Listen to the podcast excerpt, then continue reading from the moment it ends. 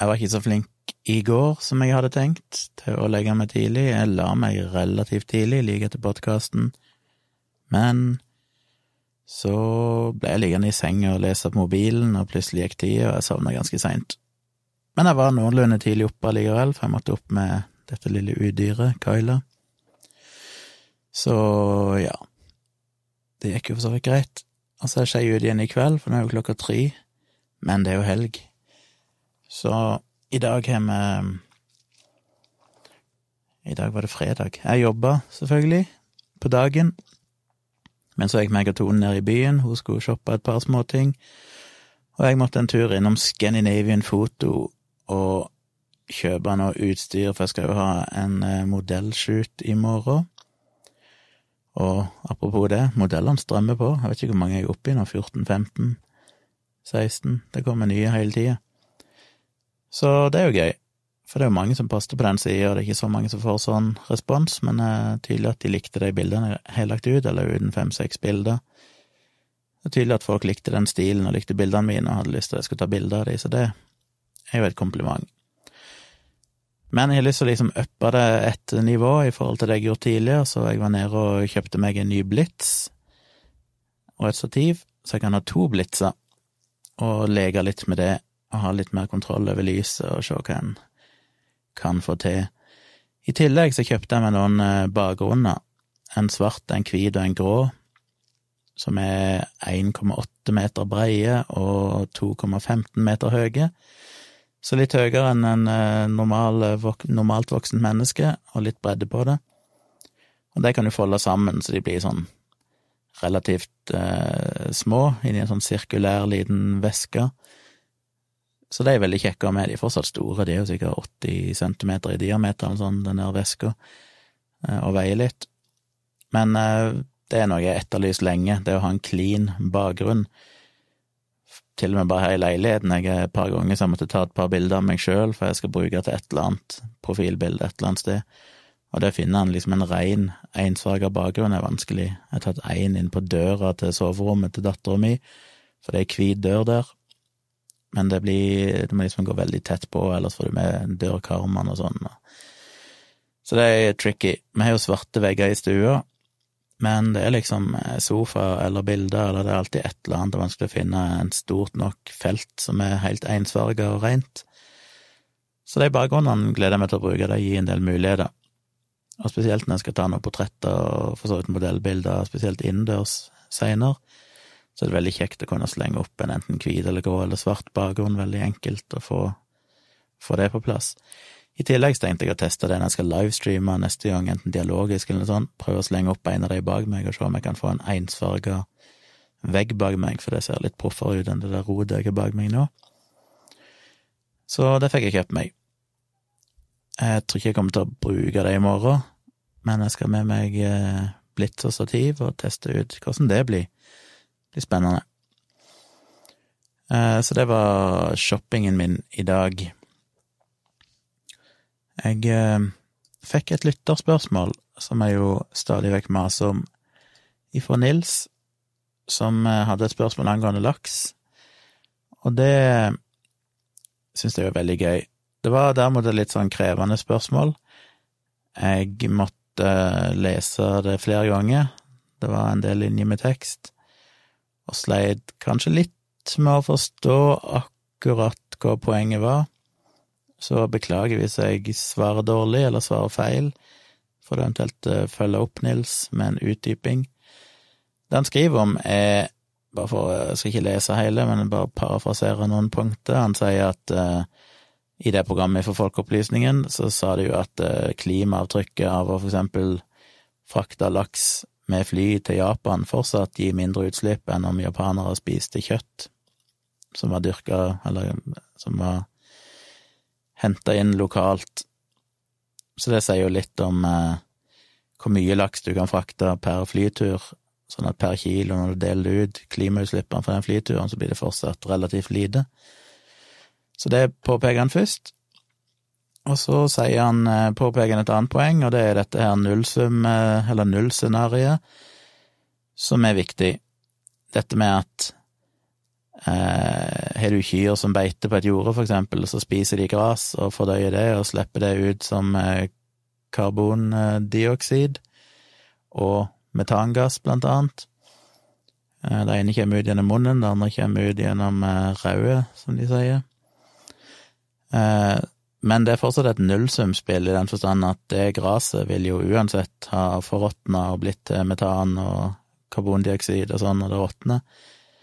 Sånn at det å på en måte ha kyr beitende og spise kjøtt og alt dette her, så er det på en måte et nullsum. Du frigjør ikke noe mer klimagasser enn det som uansett ville sluppet ut hvis bare gresset hadde råtna uten noen kyr, eller hvis Ja. Og det gjelder jo mye, det gjelder skog. Dette med å brenne tre og papir er jo klimautslipp, men teknisk sett så vil jo akkurat de samme karbondioksid, samme karbonet ville kommet ut i atmosfæren om treet bare vokste til det døde og råtna. Så det er ikke noen forskjell egentlig om du brenner treet eller om det råtner seg sjøl. Naturlig så slipper du ut samme mengden klimagasser. Og det er jo et, for så vidt et viktig poeng. Så han på en måte påpeker de to tingene, og så er jeg litt usikker på hva han egentlig mener Ja, så trekker han jo inn det at men allikevel, når du for eksempel Ja, jeg er litt usikker på poenget her, men han sier at det, det uansett eh, Når du flyger laks til Japan, så henter du ut eh, fossile brennstoffer av jorda og pumper det ut i atmosfæren, og det er jo ikke lenger del av et nullsumspill, med mindre du ser det i eh, milliarder av år, altså det, mange, mange millioner år, så kan en kanskje argumentere med at det er det. Men i et sånn normalt eh, tidsperspektiv så er det en netto eh, Netto til eh, Jesus, klokka tre på natta, jeg klarer ikke å tenke. Netto tilførsel av karbon til atmosfæren, som jo ikke er bra med tanke på global oppvarming. Og det samme mener han vel gjelder med å spise kjøtt, fordi du krever fortsatt maskineri, det blir brukt fossile brennstoffer i traktorer og alt det utstyret som følger med, og i elektrisiteten for å bearbeide kjøttet og alt det der. Så det er jo greit, det blir jo tilført karbon. Men eh, da sitter jeg fortsatt igjen med litt usikker på egentlig innspillet hans da han skriver jeg synes disse nullscenarioene er noe underkommunisert, da det virker som alle klimaforskere tar de som en selvfølge, mens det er lett for mange å argumentere for blant annet kjøtt om man minimerer de fossile innsatsfaktorene, fordi det da er lett å overbevise seg selv om at man bare er en spiller i nevnte nullsumspill. Her er en parentes på slutten. Jeg antar svaret er at kjemien i det kua slipper ut, er verre for klimaet enn kjemien i det som produserer i forråtnelsesprosessen, men hadde vært spennende å høre dine tanker. Så poenget hans er at han føler ulogisk, men mener at det å spise Altså, det er ulogisk på en måte at det å spise kjøtt skal være verre enn å bare la gresset råtne av seg sjøl. Fordi til syvende og sist er det den null-scenario der alt går tilbake igjen i kretsløpet. Ja, det var det som han skrev. Kunne kanskje heller ha lest det, for jeg brukte jo så lang tid på å prøve å forklare det.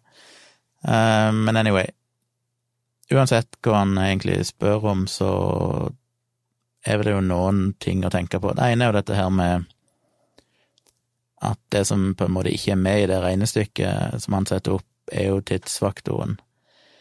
Og jeg tenker det er det som er litt viktig her, at i et veldig langtidsperspektiv så vil jeg jo hevde at uh, hvis du klarte å minimalisere, la ikke si du klarte å produsere kjøtt med bare fornybar energi, bare elektrisitet som kommer ifra vannkraft, for eksempel, eller vindmøller, og det driver òg elektriske traktorer og elektriske maskiner, så kan en jo si at da er jo kjøtt på en måte klimanøytralt, for det tilfører ingen karbon som du henter ut av jordet.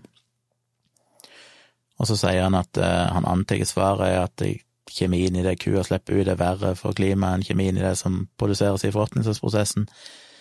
Eh, da tenker en jo kanskje på metan.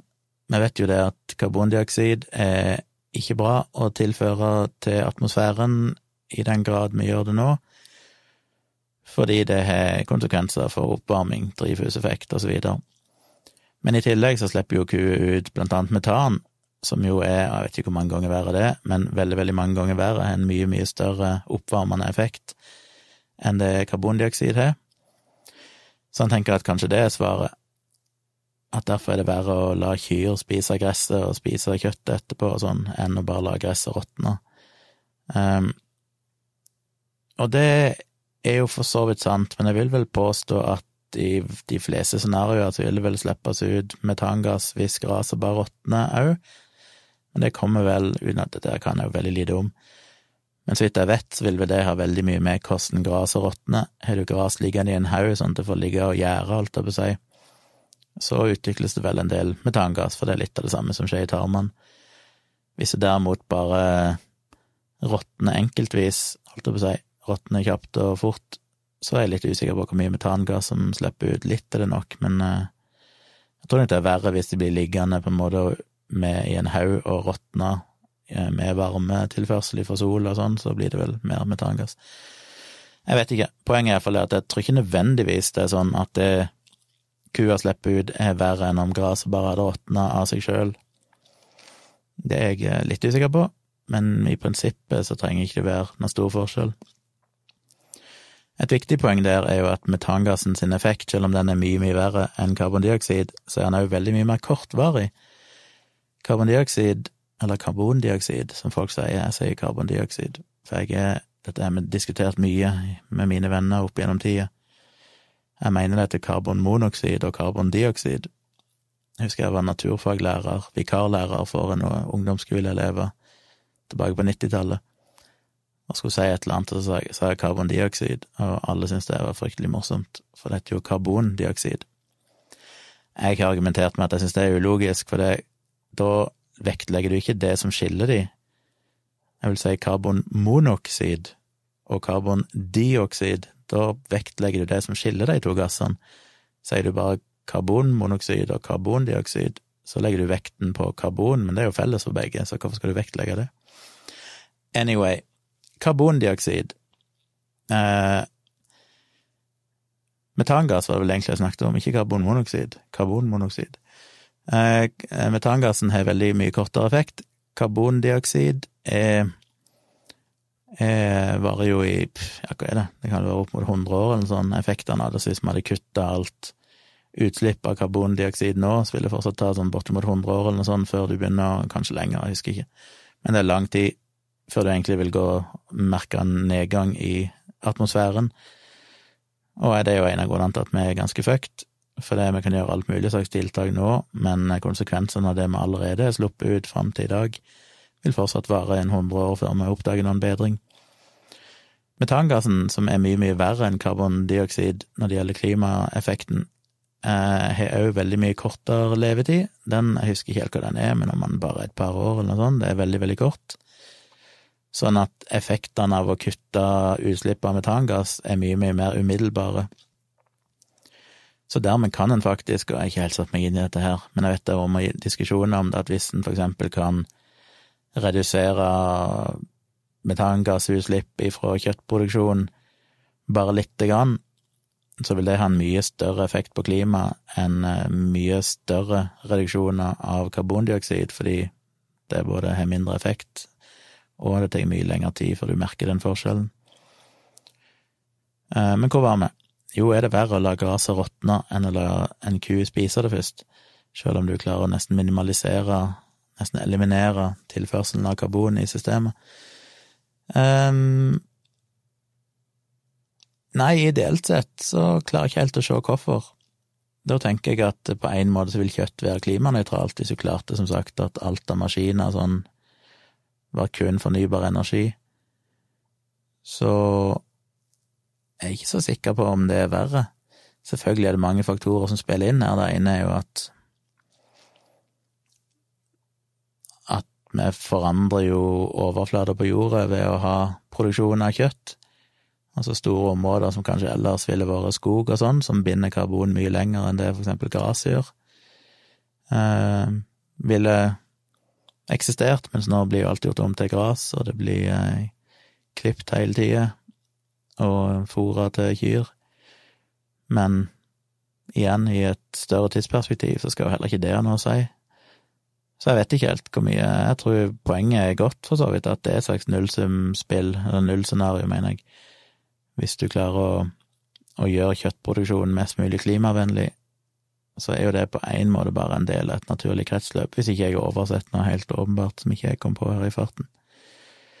Mens det å flyge laks til Japan vil per definisjon, med mindre du har elektriske fly og sånn, eh, tilføre karbon til til atmosfæren, så ja.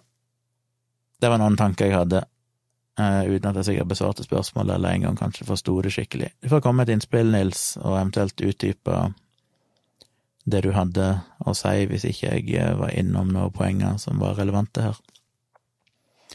Men takk for spørsmålet, det setter jeg pris på. Som sagt, mandag så gleder jeg meg jo veldig til den episoden som kommer da. Jeg må ta så google NRK Folkeopplysningen og bare sjekke at det fortsatt står på agendaen. Ja, Kroppen på service heter det programmet. Vi er stadig friskere, men blir samtidig fortalt at vi kan være syke. Er helsesjekk hos legen eller hjemmetester en god idé? Andreas Wahl undersøker. Vel, det er vel ikke egentlig Andreas Wahl som undersøker noen ting som helst, men um, Hva var den faen? Der. Uh, bare én ting til til det Nils sa. Akkurat det med karbonutslipp og klimaeffekten hadde jeg ingenting med å gjøre i det manuset. For det researcher ikke jeg i det hele tatt, rett og slett fordi de allerede når vi begynte å jobbe med den lakseepisoden, så hadde de gjort noen utregninger på det, og hadde liksom det poenget med at de hadde funnet ut at det var mindre klimagassutslipp ved å frakte det til Japan enn det var å spise kjøtt der. Så det gjorde ikke jeg ting med, det var noe de på en måte allerede hadde i boks, mente de. Så det burde jeg kanskje ha dobbeltsjekka og trippelsjekka og hatt noen innspill til, men jeg hadde så mange andre ting å jobbe med at jeg tok på en måte ikke Tok meg ikke av det. Jeg så derimot litt på klimaeffekten av soyaimport og soyaproduksjon og sånn, som jeg nevnte i en tidligere episode, men det ble jo ikke med i det hele tatt allikevel, så som er litt synd, for det, det ser selvfølgelig folk kritisere på Twitter og sier at ja, det er snakk om klimagasser, så må dere jo ta med soya, som er fôret til laksen. Men det ble jo ikke gjort, så det er jo en grunn til det, for det blir jo for komplisert. Skulle en prøvd å problematisere alle de her faktorene, så blir det jo fryktelig, fryktelig komplisert. Og det vil ta veldig lang tid å lage et program som nyanserer alt dette. Men ja, Takk for eh, spørsmålet, Nils. Kom gjerne med andre spørsmål hvis dere har. Og som sagt, jeg gleder meg til mandagens episode. Da håper jeg jo dere har noen ting og noen tanker rundt det. Eh, hva mer er det som har skjedd? Nei Godt spørsmål. I morgen er lørdag. Skal ha en fotoshoot på seint på ettermiddagen. Tenkte å gjøre det litt seint, for jeg har en app på telefonen hvis det er noen som driver med foto eller noe sånt, så kan jeg jo tipse dere om en app som heter Photopills. Aldri helt skjønt hvorfor han heter det. Photopills. Foto-PILLS. Som er en app du kan bruke til å planlegge alt mulig. Den er temmelig avansert, er, og ikke veldig intuitiv, så en må jo nesten lese bruksanvisning eller se opplæringsvideoer for å skjønne det. Den er en del sånne enkle ting som eh, forskjellige kalkulatorer for å regne ut eksponering og alt mulig sånn, basert på hvilket utstyr du bruker og alt mulig sånn. Du kan liksom plotte inn apparaturen og lukketid og ISO og sånn, og så regner det ut alt mulig for deg. Uh, du kan finne depth of field, vil si hvis du har et objektiv, så kan du finne ut, basert på forskjellige innstillinger, hvor mye av det du ser foran deg som vil være i fokus med akkurat det objektivet og de innstillingene du har. Alt mulig sånne ting.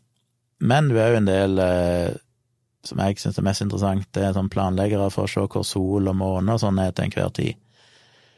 De har jo en sånn AR-funksjon der du kan skru på og så holde opp og se på skjermen, og så viser han deg som en sånn overlegg, overlay, over virk den virkelige verden, og viser deg hvor sol og alt mulig vil være, eller hvor det er. Og du kan finne meteor uh, Meteor uh, Hva heter det? Stormer? Nei, meteor uh, Ja, sånn meteor Svermer, er det dette? Eh, finne ut når de kommer, og hvor de er på himmelen, hvis du vil ta bilde av dem, og alt mulig rart. Men eh, den har en veldig avansert funksjon som heter Planner, og da får du opp et kart ifra lignende Google Maps over der du er, eller der du ønsker å være i verden. Og så kan du planlegge alt mulig ville ting. Du kan sette en markør som sier 'her står jeg', og så kan du sette en annen markør som sier 'dette vil jeg ta bilde av', og så kan du finne ut La oss si du skal ta bilde av et eller annet tårn, og så vil du ha månen bak tårnet, eller månen rett over tårnet. Så kan du planlegge akkurat når månen vil stå over tårnet, hvor høyt du må stå for å se månen på akkurat riktig sted, altså høyden over havet du sjøl må ha. Eh, altså selvfølgelig tidspunkt og sånn, du kan òg regne ut hvor stor månen vil være i forhold til det tårnet, avhengig av avstanden og sånn mellom deg og tårnet.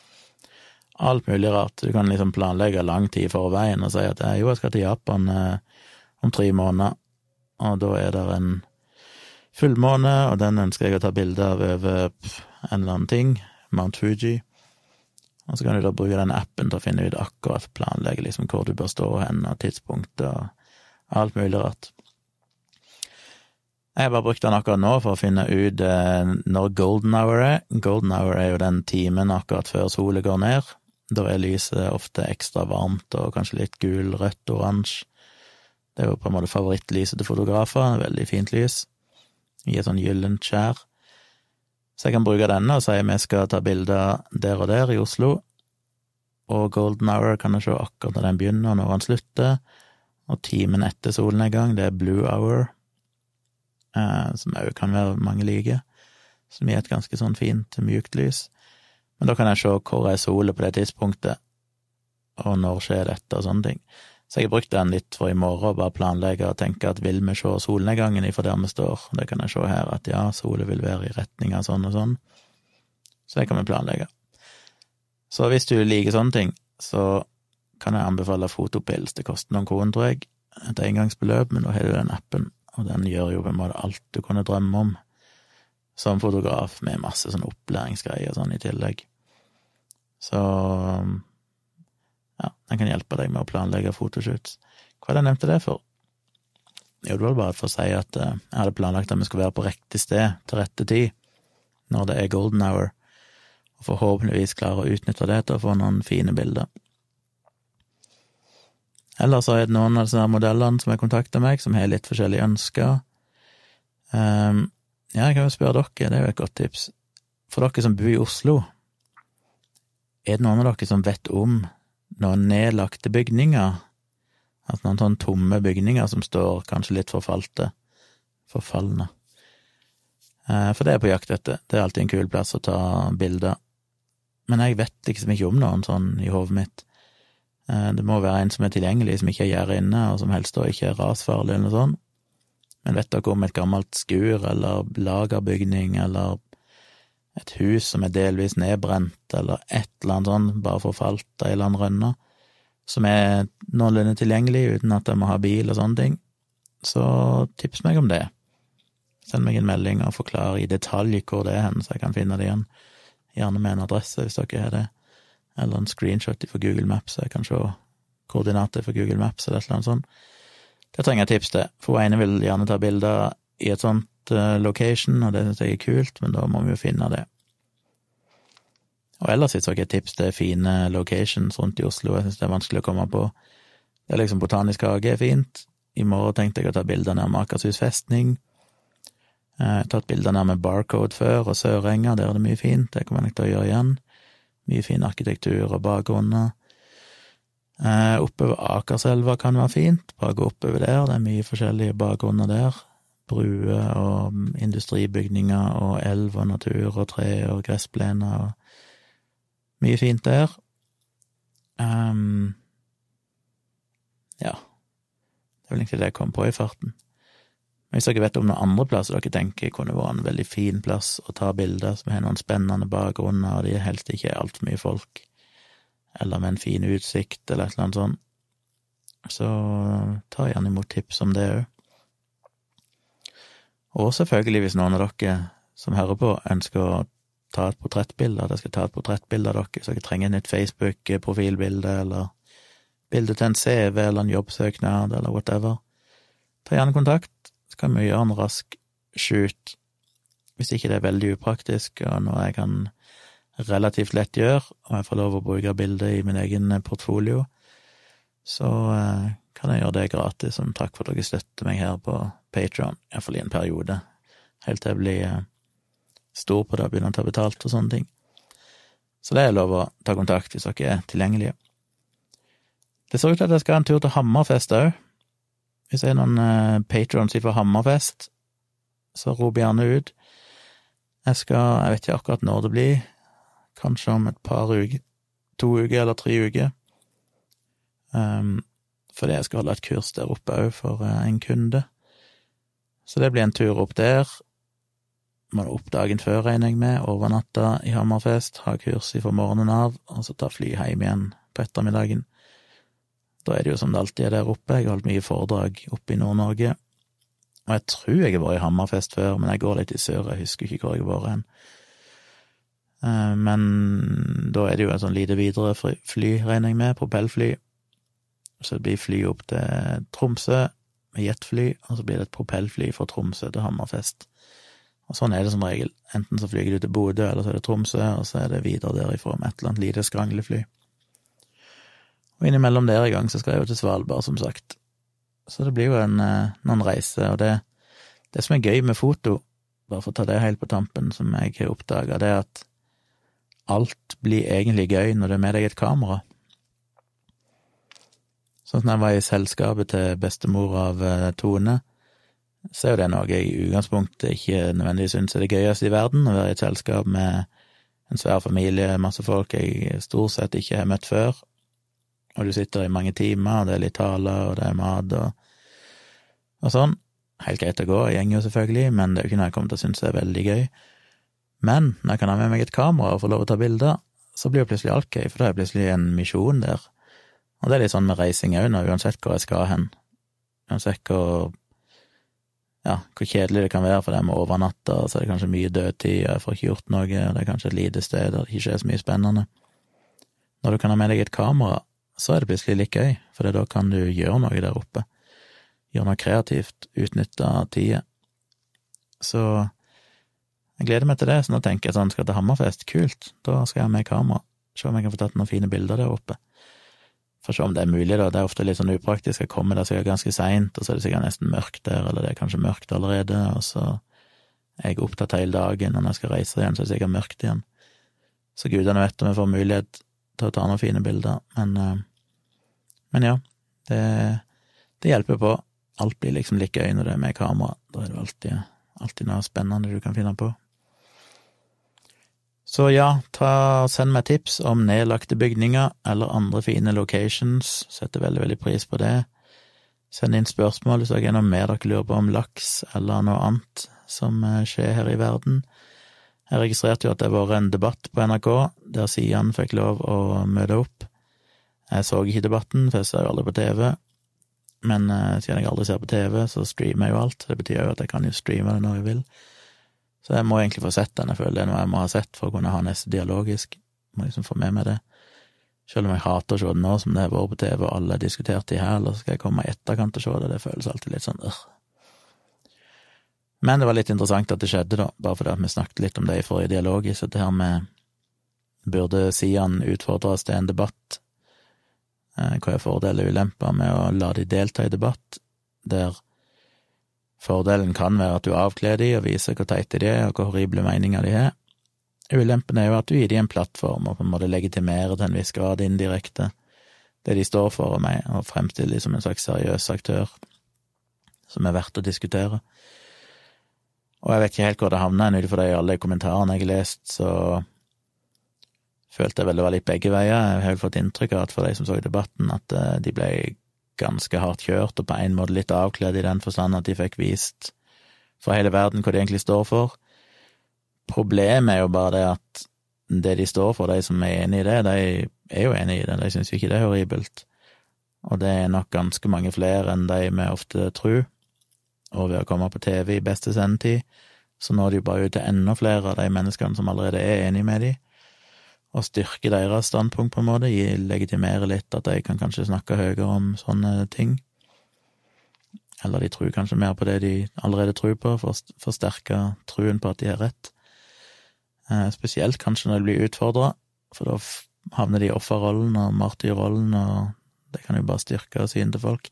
Så det jeg sier dialogisk, var bare det at jeg tror noe sånt kan være effektivt hvis du har en veldig, veldig kompetent person som virkelig kan avkle de, og virkelig på en måte sette de fast på alt.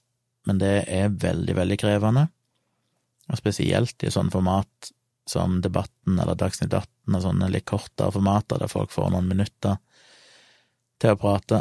Da er det ofte vanskelig å få gjort det skikkelig, og da ender egentlig uansett hvilke horrible meninger du har, så ender du på en måte opp med å bare vinne fordi du fikk trynet ditt på TV, og det var godt nok. Så jeg forsto vel at eh, Fredrik Solvang gjorde en ok jobb med å utfordre de og kritisere, men om det var godt nok, det vet jeg ikke. Så jeg tror nok kanskje totaleffekten er jo at de har gått ifra å være totalt marginaliserte, der det står fem stykk på stand og ingen bryr seg, til at de nå plutselig har fått såpass mye medieoppmerksomhet som de har, og jeg kan jo ikke si at jeg er uskyldig, for vi har jo diskutert det dialogisk òg, så vi har jo på en måte vært med å legitimere, eller å gi de oppmerksomhet, for å si det sånn. Ikke legitimere, men gi de oppmerksomhet. Men det har i det minste skjedd gjennom ren kritikk av de, og ikke med at de sjøl får komme og preike budskapet sitt i podkasten. Så det er vanskelig det der. Det er alltid et dilemma hvor mye du skal løfte fram problemstillinger, fordi det kan ofte føre til at du bare gir dem en større plattform, heller enn at du faktisk avkler det. Så jeg må se den episoden, og hvis dere har noen tanker om den, så spill gjerne inn det òg, så kan jeg jo diskutere det litt her i podkasten seinere. Men det var vel en halvtime, en relativt uinteressant halvtime, kanskje, men eh, det var nå det jeg hadde i natt. Det blir mer interessant jo flere spørsmål dere har, og mer innspill dere kommer med, så jeg er alltid lytterøre, som de sier.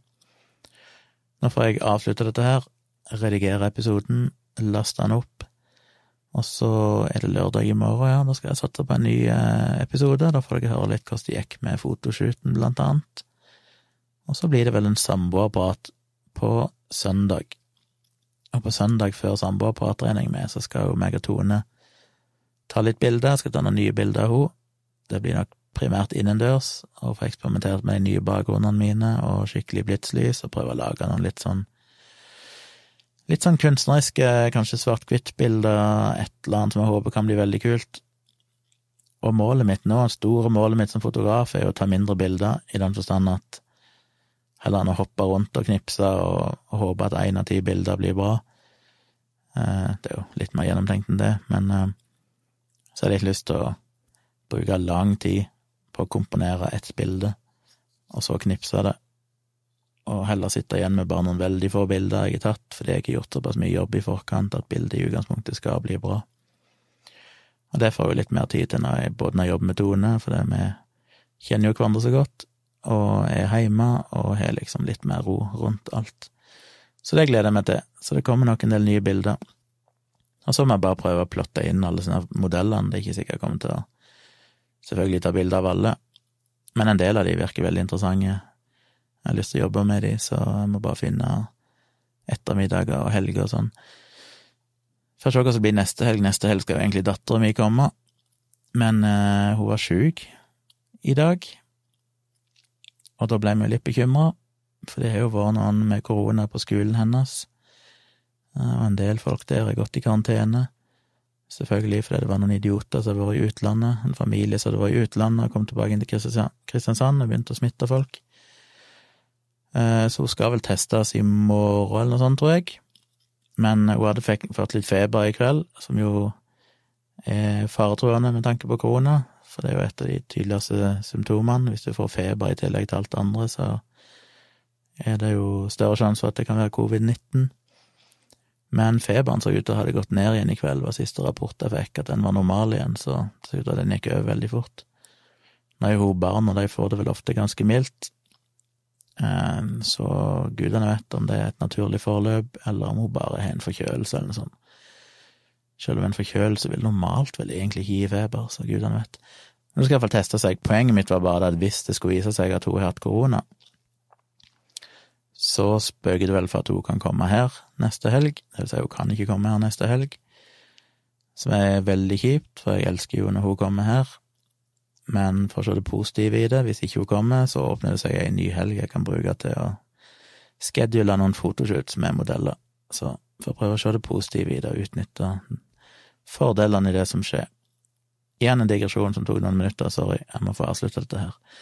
Eh, takk for meg, takk for at dere støtter meg, og eh, så høres vi igjen i morgen kveld.